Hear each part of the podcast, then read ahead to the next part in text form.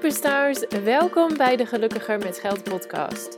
De podcast waarin ik heel graag met je deel welke stappen je kunt nemen om je geld zo te managen en in te zetten dat je nog meer vrijheid en geluk kunt creëren.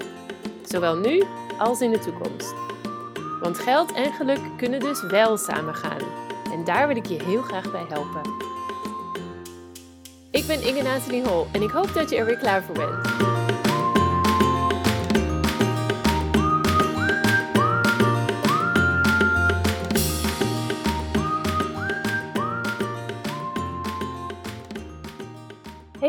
En welkom bij deze 60ste aflevering van de Gelukkiger met Geld podcast. Super leuk dat je weer luistert.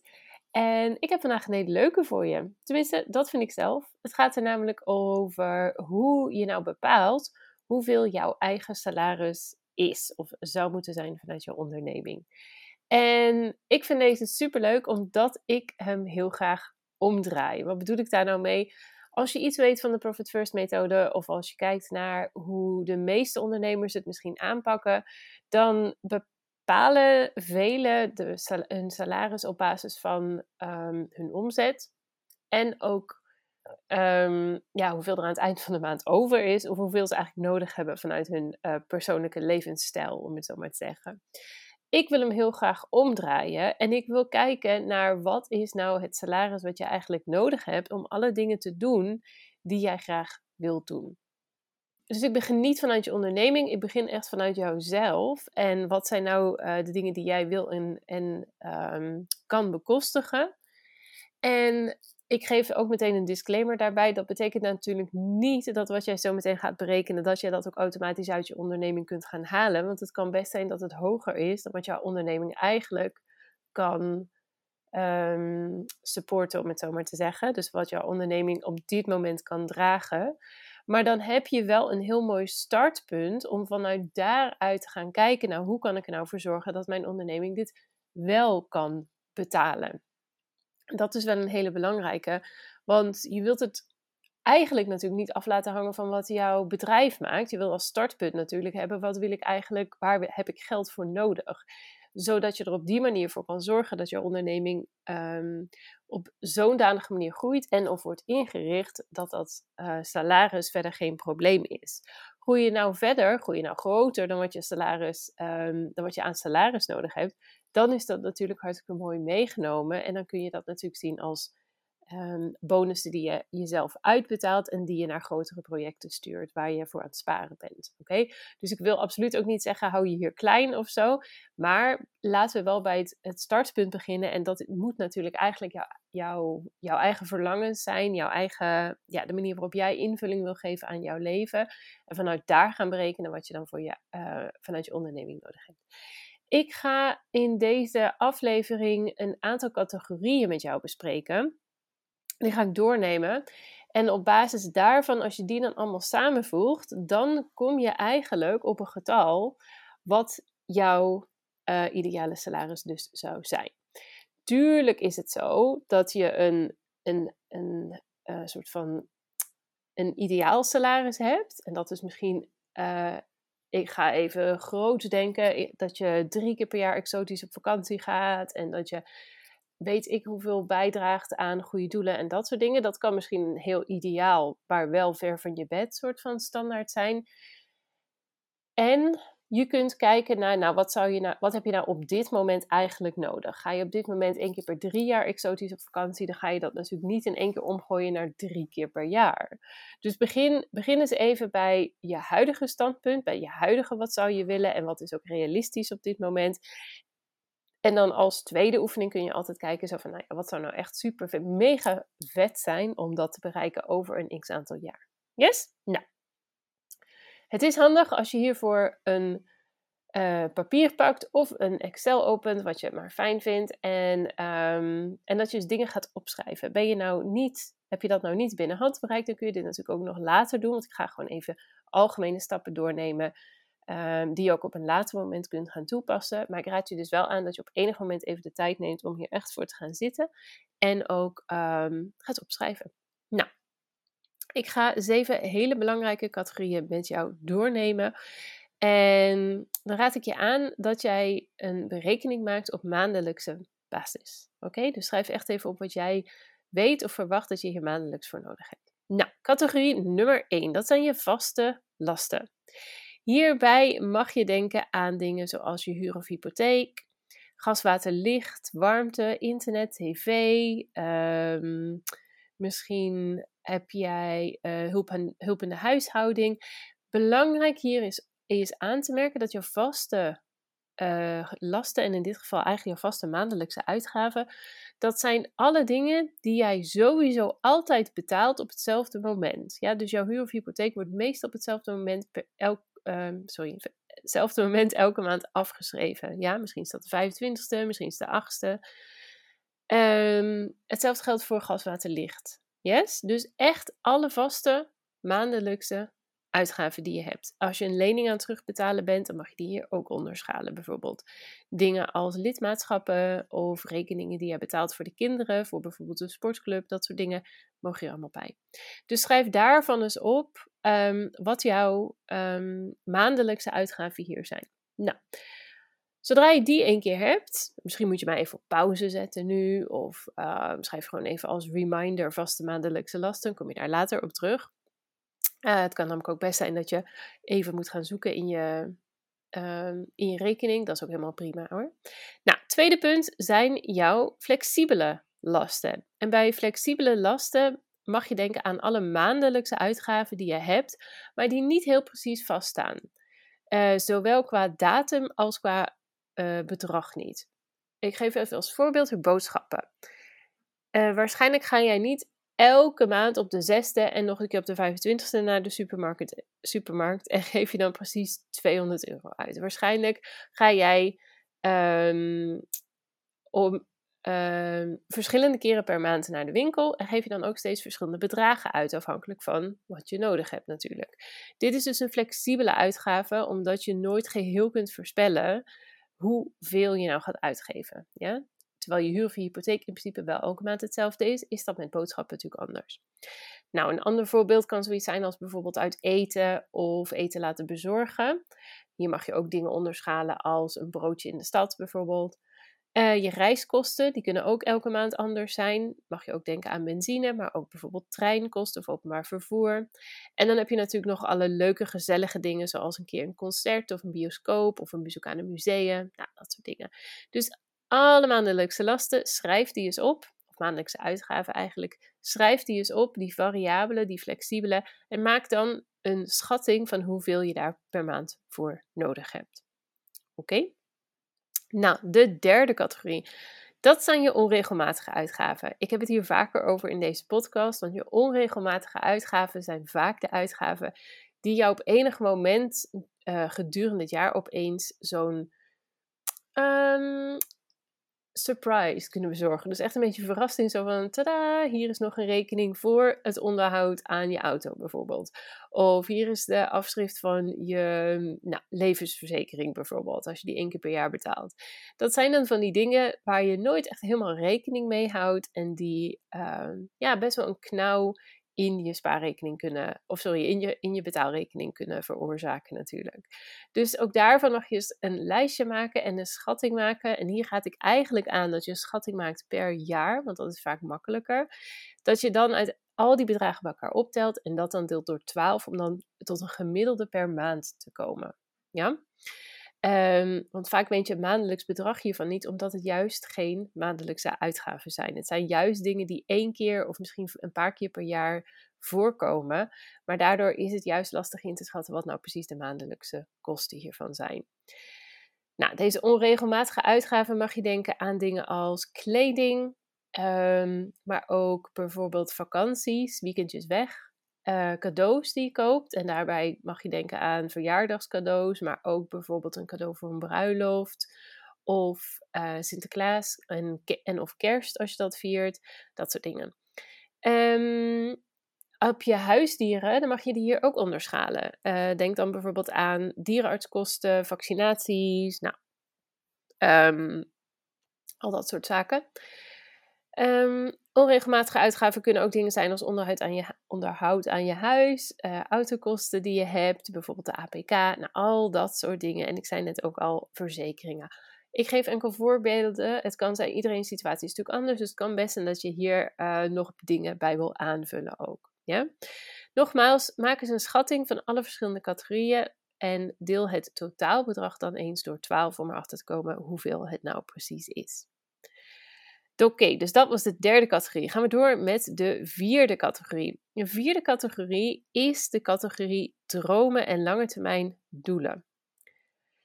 Dit zijn vaak de grotere projecten, de duurdere projecten en ook de projecten die verder in de toekomst liggen. Hier mag je denken aan bijvoorbeeld als je van plan bent een huis te kopen of een nieuw huis te kopen. Oké, dan begrijp je waarschijnlijk al wel dat dit een groter bedrag is dan uh, de meeste van je andere uitgaven.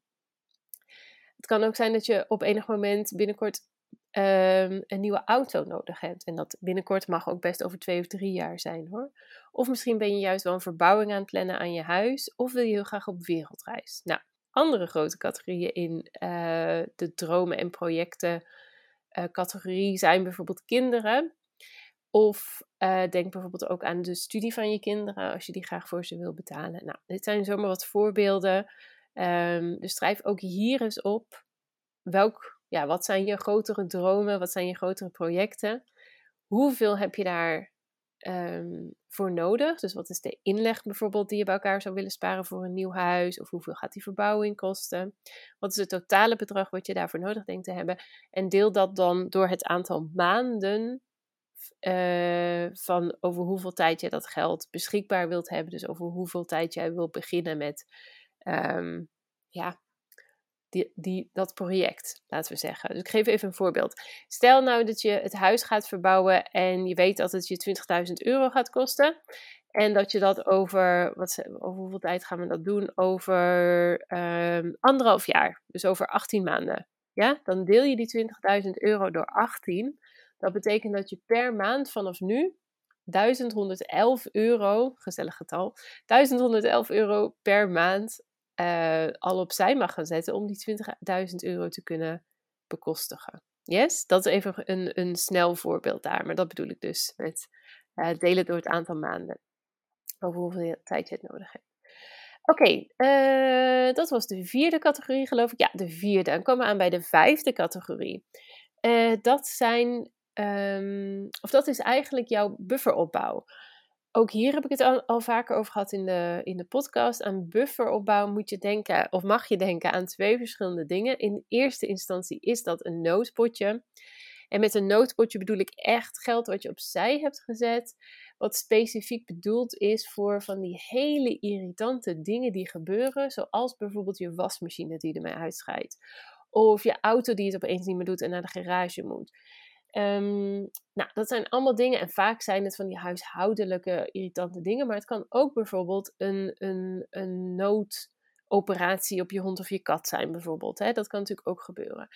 En dan is het wel zo fijn als je voor zulke momenten echt al wat geld opzij hebt gezet, om die te kunnen bekostigen en gewoon, en gewoon door te gaan. Uh, dus dat je niet um, eerst moet gaan bedenken waar haal ik nou het geld vandaan om een nieuwe wasmachine te kopen en tot die tijd ga ik alles wel met de hand wassen. Uh, maar dat je gewoon dat geld opzij al hebt staan en dat je daar verder niet druk over hoeft te maken. En dat je gewoon puur en alleen kunt gaan kijken zo van, nou ja, wanneer kan de wasmachine er, er zijn en welke ga ik kopen. Ja? En dat je dus ook niet hoeft te lenen dat geld, dat je er geen lening voor aan hoeft te gaan en dat je het ook niet op je creditcard zet. Nou, dat is dus een noodpotje. Daarnaast is een bufferopbouw iets wat ik echt altijd heel erg aanbeveel. Um, als ondernemer kun je erover nadenken om dit binnen je bedrijf op te bouwen en niet persoonlijk. Maar dat hangt een beetje vanaf wat je voorkeur is eigenlijk. Maar met een bufferopbouw bedoel ik dus echt dat je, um, um, hoe heet het, voor drie maanden lang, dat je drie maanden lang zonder inkomen toch rond kunt komen. Bouw je dit persoonlijk op, dan kun je simpelweg besluiten om gewoon drie keer jouw inkomen weg te zetten, drie keer jouw maandelijkse inkomen. Uh, bouw je dit binnen je bedrijf op, wat over het algemeen een goed idee is als ondernemer. Want dan bouw je niet alleen een buffer op om jouw inkomen te, uh, ja, te betalen, mochten er dus drie maanden lang geen inkomsten zijn.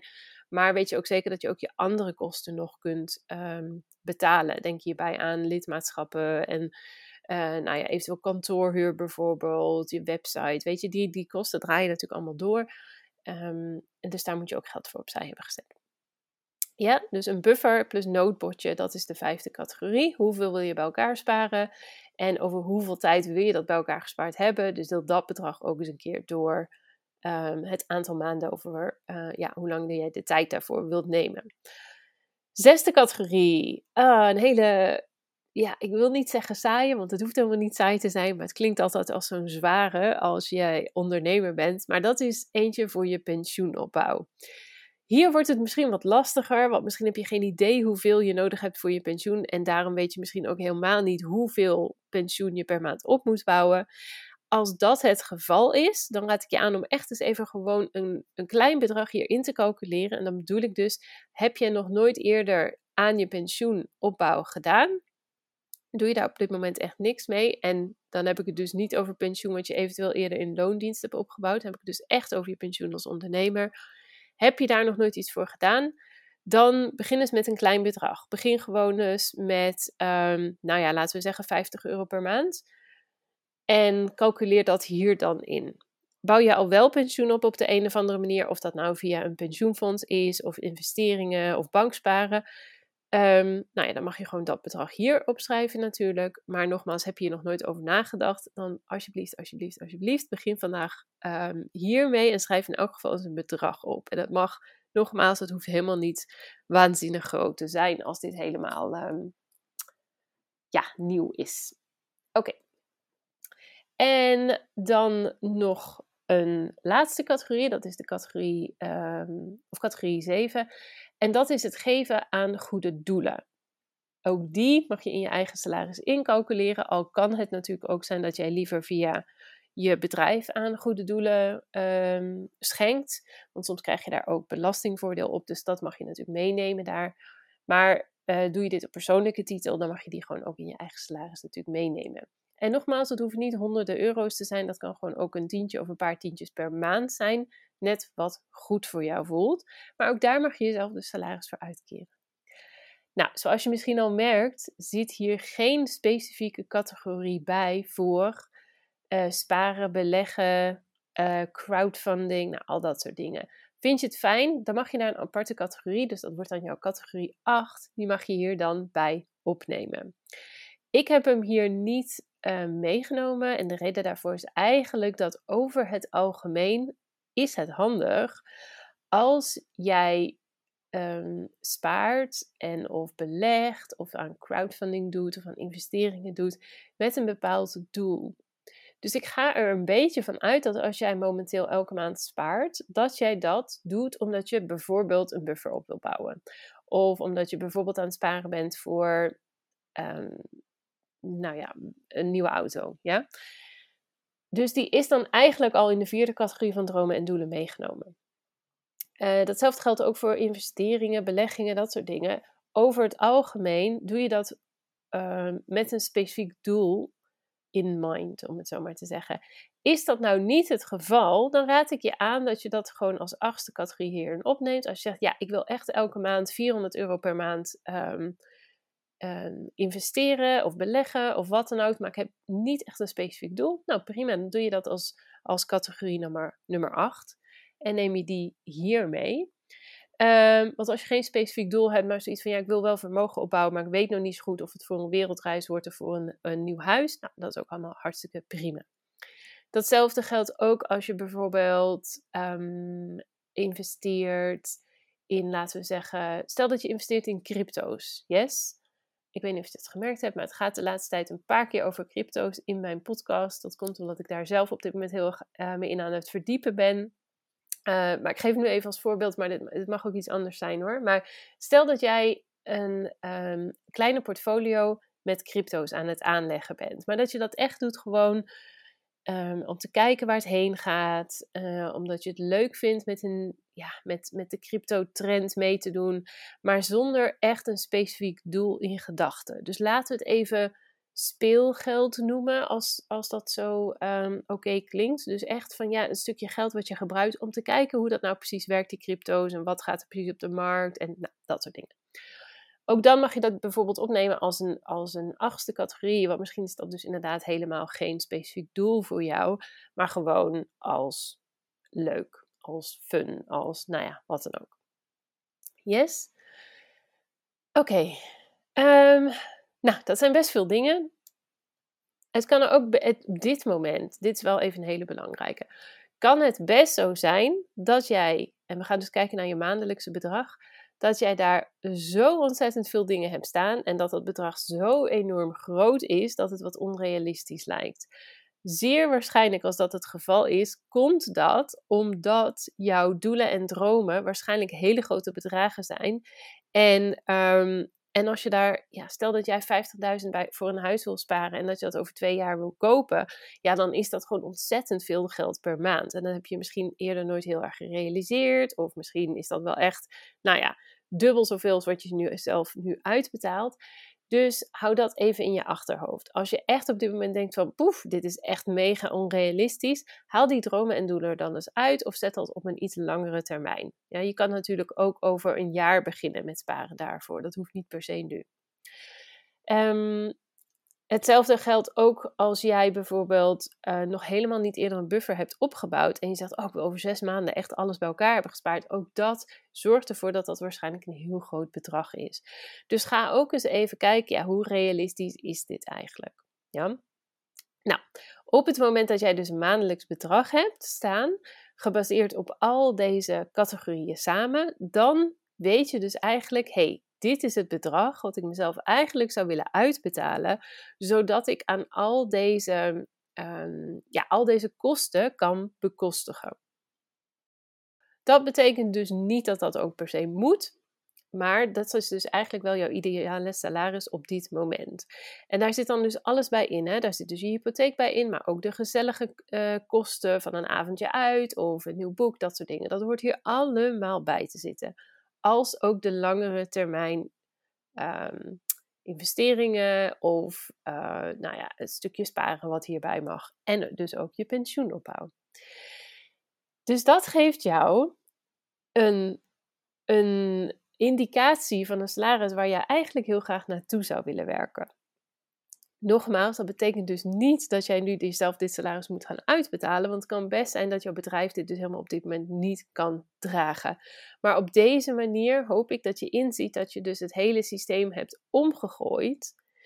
Um, en dus, dus hebt bekeken vanuit jouzelf, joh, wat is nou eigenlijk mijn ideale salaris? En niet vanuit je bedrijf hebben gekeken hebben, hebbend van wat kan ik eigenlijk mezelf überhaupt betalen. Dus ik hoop dat je dat als een, als een waardevolle oefening hebt ervaren. Um, nogmaals, hier hebben we het puur en alleen over salaris. Hier hebben we helemaal niet inkomensbelasting meegerekend of alle andere kosten binnen je bedrijf. Maar dus echt wat jij graag zou willen hebben als werknemer van je bedrijf. Ja? Nou, ik ben heel benieuwd wat dit jou oplevert. Wat jouw getal is. Hoe ver boven of beneden dit uh, dit ligt uh, gezien jouw huidige um, salaris eigenlijk. Dus als je dit me, uh, me, dit zou willen laten weten, dan zou ik dat echt super tof vinden.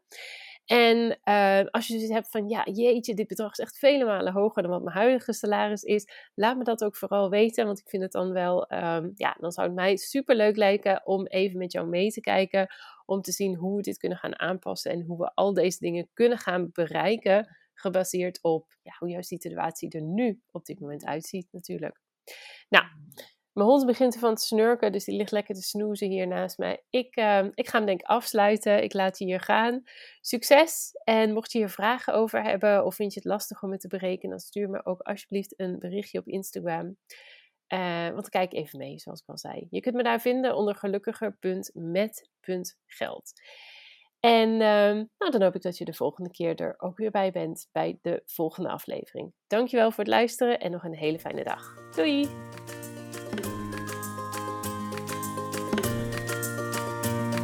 Dankjewel weer voor het luisteren naar deze aflevering van de Gelukkiger met Geld podcast.